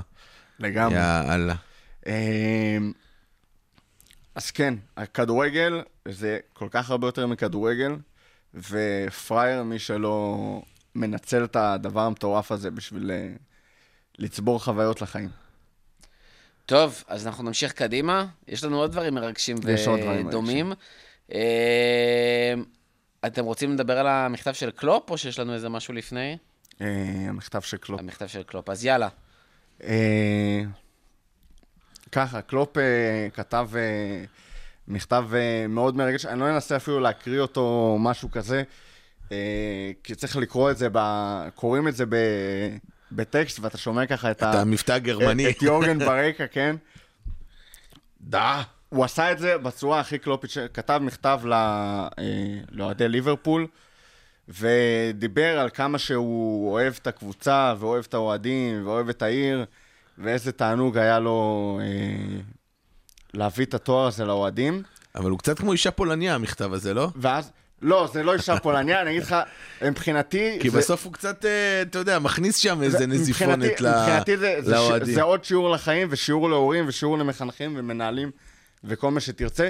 ובסוף הוא אומר, עם כל העושר הזה שגרמתי לכם, אני קצת מאוכזב מכם על חגיגות האליפות הבאמת אה, פרועות ש, שהלכו בעיר, ולמי שלא ראה ולא זה, העיר הייתה מוצפת באנשים, כאילו אין קורונה, אין שום דבר. עזוב, הם ירו זיקוקים על הבניין של ירו. זיקוקים. על ה... כן, על הבניין עם הציפור האיקונית, וכאילו... פרוע לחלוטין, ולא, אבל הוא בעיקר התייחס לנושא הקורונה, ואמר שהוא מאוכזב ומקווה שאנשים אה, ישמרו על עצמם. ישמרו על עצמם, כי בסופו של דבר חיי אדם זה גם משהו חשוב כמעט כמו אליפות. אה, ו... שמע, אני... באמת, בתור בן אדם, אני חושב שזאת הדרך הכי, הכי טובה לפנות למישהו שאתה כועס עליו ומאוכזב ממנו, כי זה הכי מעביר את ה... כשהורה אומר לך, אני מאוכזב ממך, אבל- מאוכזב זה מילה קשה. מאוכזב זה הכי קשה, זה הרבה יותר קשה מכועס.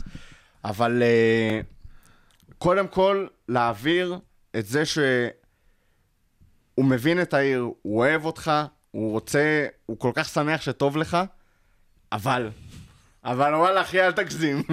כאילו, כן, לא, המכתב שלו היה מרגש, כלומר, ה... היכולת שלו באמת להבין, כלומר, זה, זה מה שיפה אצל קלופ, הוא, הוא מבין את הרוח של המועדון, כלומר, גם במכתב שהוא כותב, אז הוא, הוא מדבר על קני ועל המורשת שלו, והוא מדבר על סטיבי והמורשת שלו, כלומר, במכתב שהוא כותב לאוהדים. כלומר, fucking זכית עכשיו באליפות, האנשים האלה הם לא חלק מהקבוצה שלך, ואתה עדיין נותן להם כבוד, הוא נתן להם כבוד עצום במכתב שלו. Mm-hmm. הוא, הוא, הוא מבין את ההלך רוח של העיר, הוא, הוא מבין את החיבור של הקבוצה לעיר, של המועדון לעיר, ו... וזה מדהים בעיניי.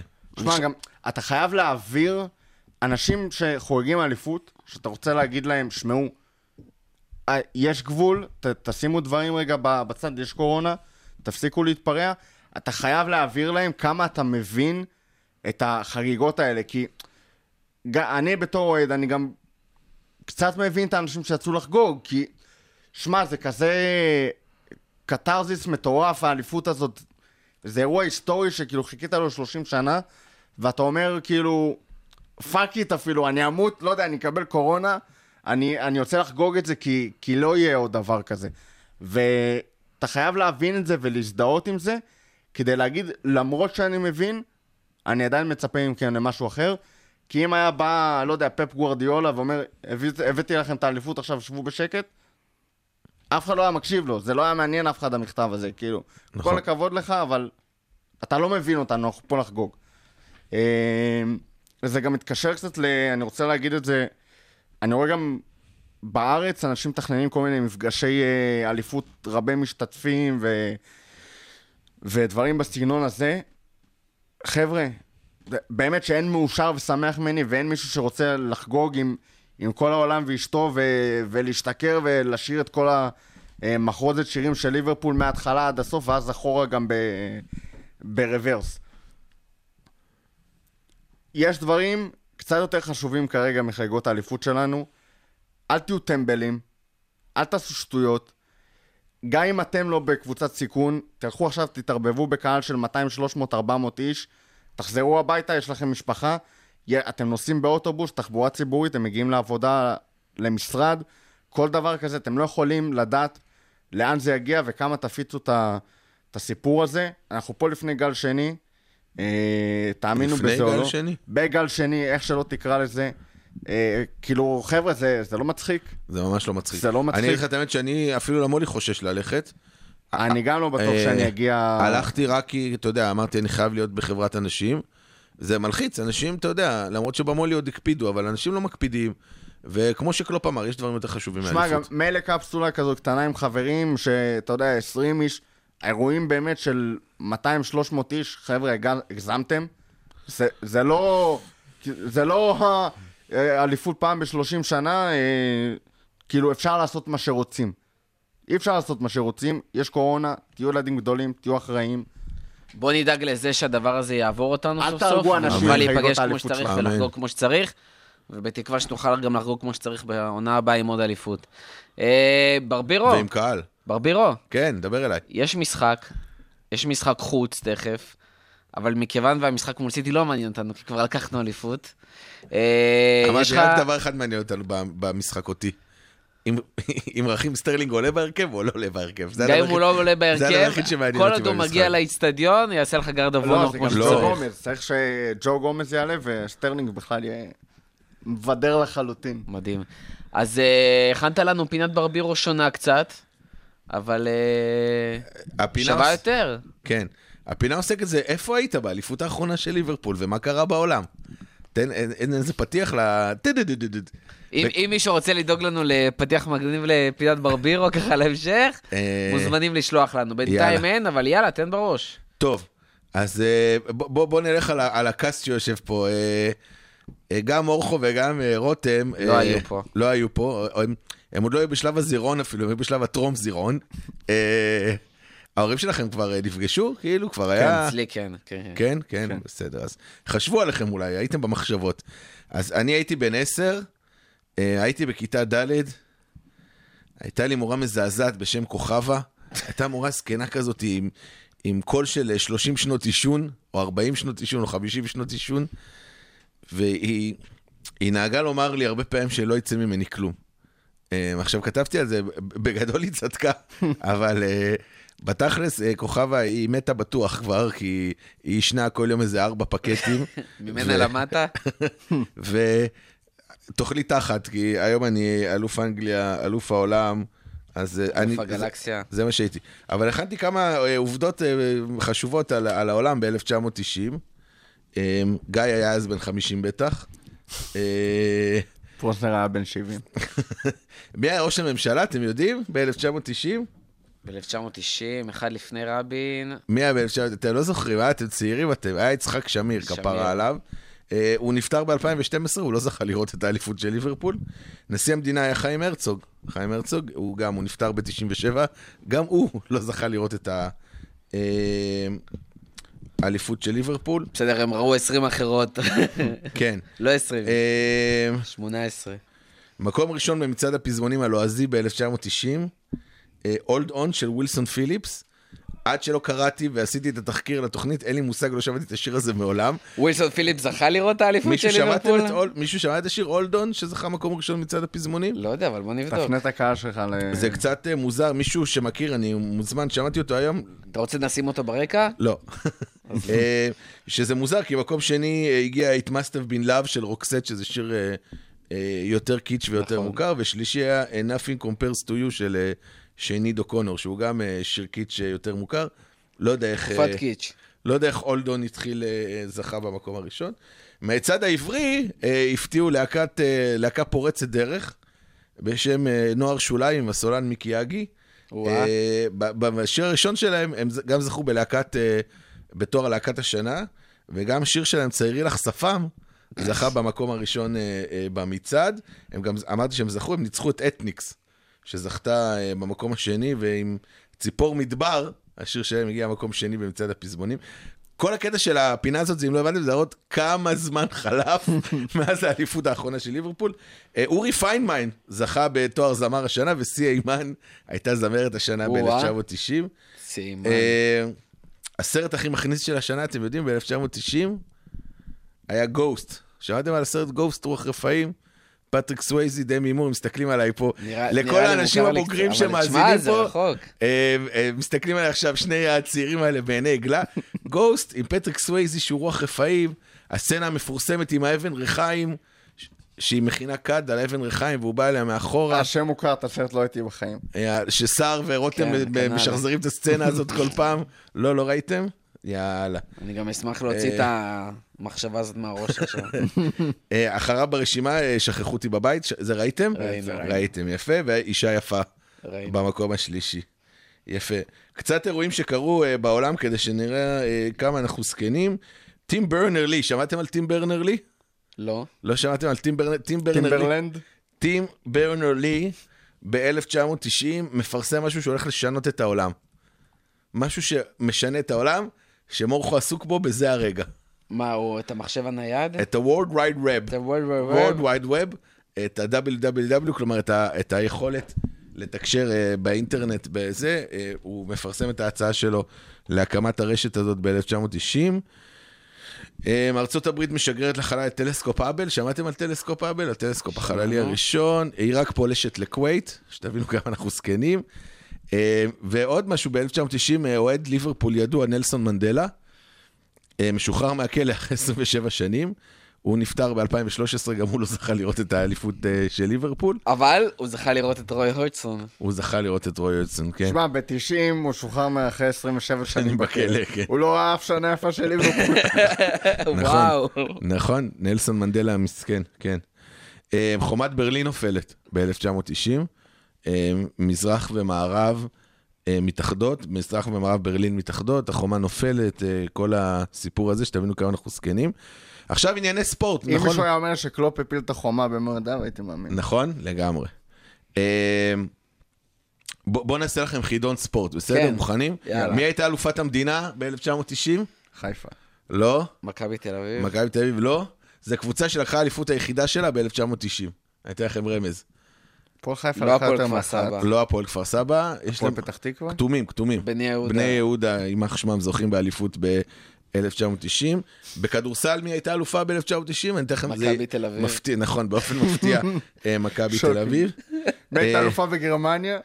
אה, דווקא לא נראה לי באיירן מינכן. היה בוא ב-1990, נבדוק. היה מונדיאל באיטליה. אתם יודעים שהיה מונדיאל באיטליה ב-1990? אתם עוד לא נולדתם? מי לקחה אליפות אז?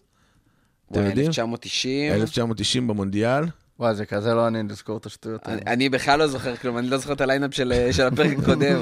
אה, אז אה, מערב גרמניה, זה היה לפני האיחוד. זהו, זה ה... זה היה לפני האיחוד, הם. אה, זכו בניצחון 1-0 על ארגנטינה. אלופת אירופה, בכדורגל, בגביע אירופה לאלופות, וואו. לפני הצ'מפיונס. בטח איזה? קבוצת אה, אמצע טבלה. כמעט, כמעט יובה. מילאן? מילאן. מילאן זוכה, מזל שאתה כל פעם זורק את התשובה הראשונה. מילאן זוכה ב-back to back, היא זכתה שנה לפני, ניצחה את אה, סטאו בוקרסט, ובגמר ב-1990 היא מנצחת 1-0 את אה, בנפיקה, שמע, אני נותן אה, הזדמנות למאזינים לשמוע אותי טועה. משער של רייקארד. דרך אגב, ב-1991 נגיד באיירן מינכן בכלל לא לקחה אליפות. די. אפרופו, מקום שני. לא, אבל היה להם שנים שקלופ היה שם בדורטמונד, שהם לא לקחו. אליפות, ומתיאס זאמר, והיה כאלה. אה, ואחרון, העובדה הכי חשובה אולי שקרתה ב-1990, שקשורה כן. לספורט, גביע המדינה בכדורגל! מי זכתה? הפועל כפר סבא. הפועל כפר סבא! כל הפינה הזאת בשביל הפועל כפר סבא, לא יאומן. את שמשון תל אביב מגול בדקה ה-92 של גדעון סיימון, אה, כפרה עליו. ב-1990 ביירן לקחה אליפות. לא היה לי מה לכתוב את זה בכלל, זה, זה די, אה, די ברור. אלה הדברים שקרו ב-1990. איפה אתם הייתם? תכתבו לנו. תכתבו לנו. אה, רותם, כן. יש לנו משחק מול סיטי בכל זאת. יש אה, משחק? ביום חמישי. אנחנו אפילו לא נקליט ביום שישי מרוב החוסר במתח. אה, מה מה אנחנו צפויים לראות שם בכל זאת, ככה, בקצרה? יפרקו אותנו. וואי, ממש יפרק אותנו. תקשיב, ראיתי, ראיתי קצת סרטוני חגיגות, ואתה רואה כאילו ראיונות של שחקנים ישר אחרי הזכייה שלנו באליפות, טרנד שיכור מהתחת. בסדר, הם חזרו כבר לאימונים. מותר לו וזה- לשתות? אוקס חוקית מותר לו. לשתות? אה, באנגליה מותר, כן, לפחות בירה אין- אין בטוח. את ה-21. אין, אין, זה לא כמו... באנגליה זה עוד אה, יחסית נמוך. אה, בירה מגיל 16, משהו כזה. כן. שמונה. שמונה. יונקים בירה. שמע, עברו כמה ימים, אבל אה, ב- כרגע אף אחד לא מסוגל לראות את זה עליי, אבל בתור מישהו שהתאמן ועשה ספורט באופן רציני בעבר, אה, אתה לא חוזר ל-100% אחרי כזה לילה של שתייה, גם לא אחרי שבוע. זה לא כאילו... הגוף לא... לוקח לו זמן להתאושש מ... לא, יש פה גם עניינים של כבוד, הם הולכים לפרק אותנו.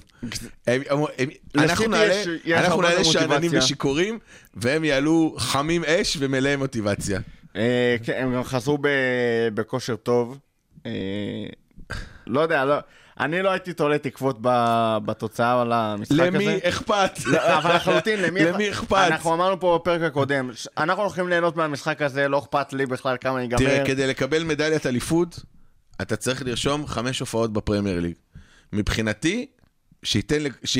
שכל מי שרוצה לצ'פר כדי שיקבל מדליית אליפות, יתחיל לעלות במשחקים הקרובים. לא אכפת לי. שקירי פצוע עולה, קליין פצוע עולה. לא, אני מדבר איתך על הארווי כפרה עליו, אני מדבר איתך על נקו וויליאמס, אני מדבר איתך על קרטיס ג'ונס. תן לילדים האלה את ה... להארווי יש כבר אה, שתי הופעות. לקרטיס ג'ונס יש הופעה או שתיים לדעתי, לנקו וויליאמס יש הופעה מהמשחק כן, אני אגיד לך הקודם. על הארווי אליוט ש- שיחכה ויקח את האליפות הזאת בעצמו, לא ב... לא, הוא ייקח, הילד ייקח עוד אליפויות, כפרה עליו, הוא ייקח עוד הילד, אליפויות. אבל- איזה... אליל הנאחס פה, מר ברבירו אומר, מכריז ב... תקשיב, יש גלי אני ש- כבר מחכה לקיט של נייקי. כדי לקנות לי חולצה עם 67 ארווי אליוט. זה ה... יש לי 17 ג'רארד, החולצה הבאה ש... ואמרתי, אני לא מחליף את החולצה הזאת. כלומר, לא קונה, לא של אנדו, לא כלום. הילד הבא שאני מוכן להתחבר אתה אליו, מחרב לו את הקריירה מדקה הילד, מה, אני לדקה. מועלם, כאילו, עם השמונה קייטה שלו, אה, מאז הוא לא רואה מגרש. מגרש. מגרש. החולצה הבאה שאני מוכן ללבוש זה 67 ארווי אליוט. זה שנה הבאה, החליף את 17 ב-67. בדיוק. רותם, נושא לסיום? אה, מה שרצית לדבר עליו? כן. שמע, אמ, יש עוד צד לחגיגות האליפות האלה שלנו, וזה הצד של אוהדי היריבות, שאנחנו ככה אה, בדרך כלל נהנים אה, לשמוח ל- לאידם, אבל באמת שזה קצת מעצבן אותי מה שקורה לאחרונה. שמע, היה ברור ש... שיהיו אוהדי יריבות ממורמרים שינסו להקטין מ... מהאליפות הזאת, וכאילו לנסות אה, להעיב לנו על השמחה.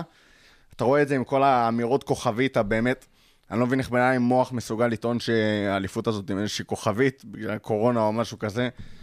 אין לי מושג. אם גיא היה פה, הוא היה אומר שלקחנו את האליפות בינואר. אני רגע גיא ויגיד, לקחנו את האליפות בינואר. אין, אה, אי אפשר, אני לא מבין את הטיעון הזה בכלל, שזה אליפות עם כוכבית או משהו כזה, או... היה לי ברור שזה יקרה, אני מקבל את זה בהבנה, זה לא מעניין אותי, אני אלוף אנגליה, אני מבסוט, כאילו, אתם יכולים לכתוב מה שבא לכם. אבל, אה, יש משהו שאנחנו מנסים להימנע ממנו פה אה, עד כמה שניתן, באמת בשביל אה, להיות אה, מקצוענים, רציניים וגם אה, הוגנים, וזה לא לקרוא לקבוצות היריבות שלנו בשמות אה, גנאי מיותרים. אה, למרות שמתפלק פה ושם, כי זה בכל זאת דיבור של אוהדים מדי פעם, אבל כשפונים לקהל יותר רחב אה, ולא באיזשהו קונטקסט של חברים, אה, אני מת על מלא אוהדי יונייטד, עד כמה שזה נשמע, הם עדיין אנשים בסופו של דבר, קצת פחות טובים ממני, אבל אנשים. הם אנשים שעשו בחירות לא נכונות בחיים. אנשים שעשו בחירות לא נכונות בחיים. עשינו פה את הפרק עם אוהדי יונייטד, באמת שהיה פרק נהדר. אני גם חייב להגיד לך, רותם, פה בינינו, נהדרים. אני, אופיר ברבירו, בתור בן אדם, מאוד מעריך אוהדי יונייטד, את רובם. גם אני. אה, גם אני מעריך את רובם. אני שונא אותם שנאה הרבה מרה דברים בזמן שאנחנו משחקים, אבל אני מעריך אותם מאוד. אני מעריך הרבה דברים במועדון שלהם. אה, עכשיו קצת פחות, כי המועדון שלהם נראה על הפנים, אבל אה, באמת, אין לי... יש לי שנאה ספורטיבית כלפי יונייטד. אבל את רוב האוהדים שלהם אני מאוד מחבב. אבל, אה, יש אנשים שלקחו את האליפות הזאת של ליברפול קצת אה, יותר מדי ללב, קצת יותר מדי קשה, ומתחילים אה, לשפוך את כל הרפש שאנחנו כאוהדי ליברפול מנסים ל...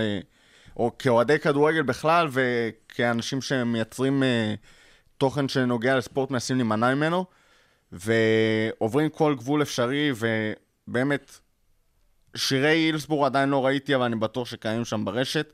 אני אתייחס למה שכן ראיתי, וזה כל מיני אמירות גזעניות על ליברפול וכעיר, כאנשים, סקאוזרים, אה, ההורים שלהם אחים, אה, ברברים, כל הדברים שאמרת שהיו מקושרים אז בזמנו להילסבורו, פתאום אוהדים ישראלים בכלל, שאני לא מבין מה, מה הקשר שלהם ל... עכשיו בוא, אנחנו רוצים מאוד להיות לסטריאוטיפים מחוברים למועדון, לעיר, להכל, אבל עם כל הכבוד, אנחנו לא. אנחנו- ו...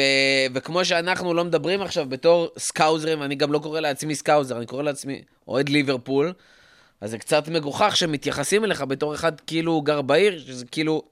הכל פה מאוד מתערבב כזה, ל... כן, ומגיע גם למקום לפנות מוזר. ככה למי שגר בעיר זה כאילו, זה בזוי ועלוב, אבל בכלל, כשזה מגיע לתרבות של אוהדים פה בארץ, ואני לא גולש יותר מדי למחוזות הטוויטר וכל הריבים המטופשים שיש שם, אני סתם פה בפייסבוק בארץ עם אוהדים ישראלים, אתה רואה אוהד ישראלי, ו- כמו שאמרתי אז בפרק יונייטד, גר לידך בבניין בחולון, אומר לך, סקאוזרים שיכורים. נו אתה- איפה המוח שלך? אחי, אנחנו בחולון. אחי, אתה פה לידי בחולון, אתה קורא לי סקאוזר? זה- זה באמת כאילו, זה עלוב ובזוי, וזה מתחבר לי גם, אתה יודע, עם כל מיני זיכרונות פשוט עבר כאלה. מטופש, רותם, זה זה פשוט חוזר לי עם מטופש. זיכרונות עבר כאלה, כמו של אוהדי יונייטד שבא אלינו למייקס פלייס לשיר כל מיני שירי אה, הילסבורו. זה, ויסלחו לי, כן, אני באמת נמנע מזה כבר עשרות פרקים, זה סקאם. וזה מזכיר לי את השנאה שלי אליהם, וחבל כל כך ש... חבורה מצומצמת של אוהדים עם, שחולקים מוח אחד מאוד מאוד מצומצם, אה, מוציאים את הרפש הזה לכדורגל, כי וואלה, בא לי לא לאהוב את יונייטד ספורטיבית, לא בא לי לשנוא את האוהדים שלהם, וחבל שאתם מוציאים את זה ככה, וחבל לי גם קצת מאוכזב מאוהדי יונייטד אחרים, שכאילו, שלא מוקיעים את זה מעצמם. כי נכון, יש רפש כזה בכל קבוצת אוהדים, לא משנה איזה, גם אצל אה, אוהדי ליברפול בעולם, אתה רואה דברים לפעמים מאוד לא סימפטיים, אבל וואלה, בארץ, אני לא רואה רפש כזה מגעיל וכזה גזעני וכזה באמת נחות, אה, מגיע מקבוצות אוהדים אחרות. וואלה, אוהדי יונייטדים איכשהו, יצא לכם להאזין לפרק האליפות של אוהדי ליברפול, אז אה, כאילו, תוקיעו את זה מעצמכם, זה לא, זה לא לכבוד שלכם, אתם יותר טובים מזה. אה, באסה לכם להיות, אה, להסתכל ככה למעלה, למעלה, למעלה, למעלה, למעלה בטבלה, ולראות את ליברפול במקום הראשון אלופת אנגליה. תבלעו את הצפרדע ותפסידו בכבוד. עזוב, הם מסתכלים למעלה, הם רואים את וולס, אתה מדבר איתי על ליברפול, אתה יודע כמה למעלה הם צריכים להסתכל כדי אה, לראות את למעלה, ליברפול? למעלה, למעלה. אז זה דקה בצוואר, זה דבר כזה. ומה שכן משמח אותי מהסיפור הזה, מלא אוהדי יריבות כאן, דיברו לפני האליפות, שליברפול הולכים להיות ה-unbearables. זה בלתי נסבלים אחרי שיקחו אליפות. אה, וואלה, זה, זה שטויות במיץ, אוהדי ליברפול עכשיו אני רואה, חוגגים אליפות כמו שכל אה, מועדון חוגג את האליפות שלו. אם אנחנו בלתי נסבלים בעיניכם, זה בגלל שאתם יצרתם את זה לעצמכם, את התבנית הזאת בראש, ואתם מתעסקים בנו כל כך הרבה בגלל הקנאה ובגלל הפחד. רותם, תן לי עכשיו חמש נסבל. שנים להיות unbearable, וואלה, אני קונה את זה, חבל על הזמן. תן לי להיות unbearable כל שנה. ברבירו, משהו לסיום? unbarbearable. אנברבירבל. אתה באמת אנברבירבל. אה, משהו לסיום? אנחנו אלופי אנגליה. איזה כיף להגיד We את are זה. the champions, champions of England. טוב, אז תודה רבה לכל מי שהיה איתנו בפרק 72, אה, ובכלל, מי שהחזיק איתנו עד הסוף, כבר אה, שעה ו... וכמעט שעה ורבע. וואו. אה, אז תודה רבה, תמשיכו לעקוב ותמשיכו להאזין, תמשיכו, תמשיכו לעשות לייקים ותגובות ושיתופים, ולשלוח. לנו הודעות מדהימות מדהימות מדהימות, אנחנו נהנים מזה. תעזרו לחברים האוהדים שלכם לחגוג ביותר בכיף. זהו, תקשיבו, יש מלא אנשים שלא שמעו עדיין את החגיגות שלנו ולא לקחו חלק, אז תתייגו חברים שאולי לא יצא להם להאזין, שאולי לא מכירים את פודקאסט הכפית. זה הזמן, יש מישהו שלא מכיר את פודקאסט. הכפית? יש אנשים כאלה, וצריך מאמין. להגיע אליהם, אין מה לעשות. יש אלפי אוהדי ליברפול בארץ. אה, זה הזמן להגיע. אליהם. אה, כן, הם גם מאוד צעירים. אה, אז זה הזמן להגיע אליהם, שישמעו, שיחגגו איתנו, למה לא? תודה רבה לרותם שהיה איתנו היום, תודה רבה ברבירו, תודה שחזר רבה, אלינו. לפרק. תודה רבה לך. אה, ועד הפעם הבאה, תמשיכו ליהנות ולהיות אה, אלופי אנגליה. להתראות! הרדיו הבינתחומי, בינתחומי. 106.2 FM, 106.2 FM. הכפית. הפודקאסט לאוהדי ליברפול בישראל.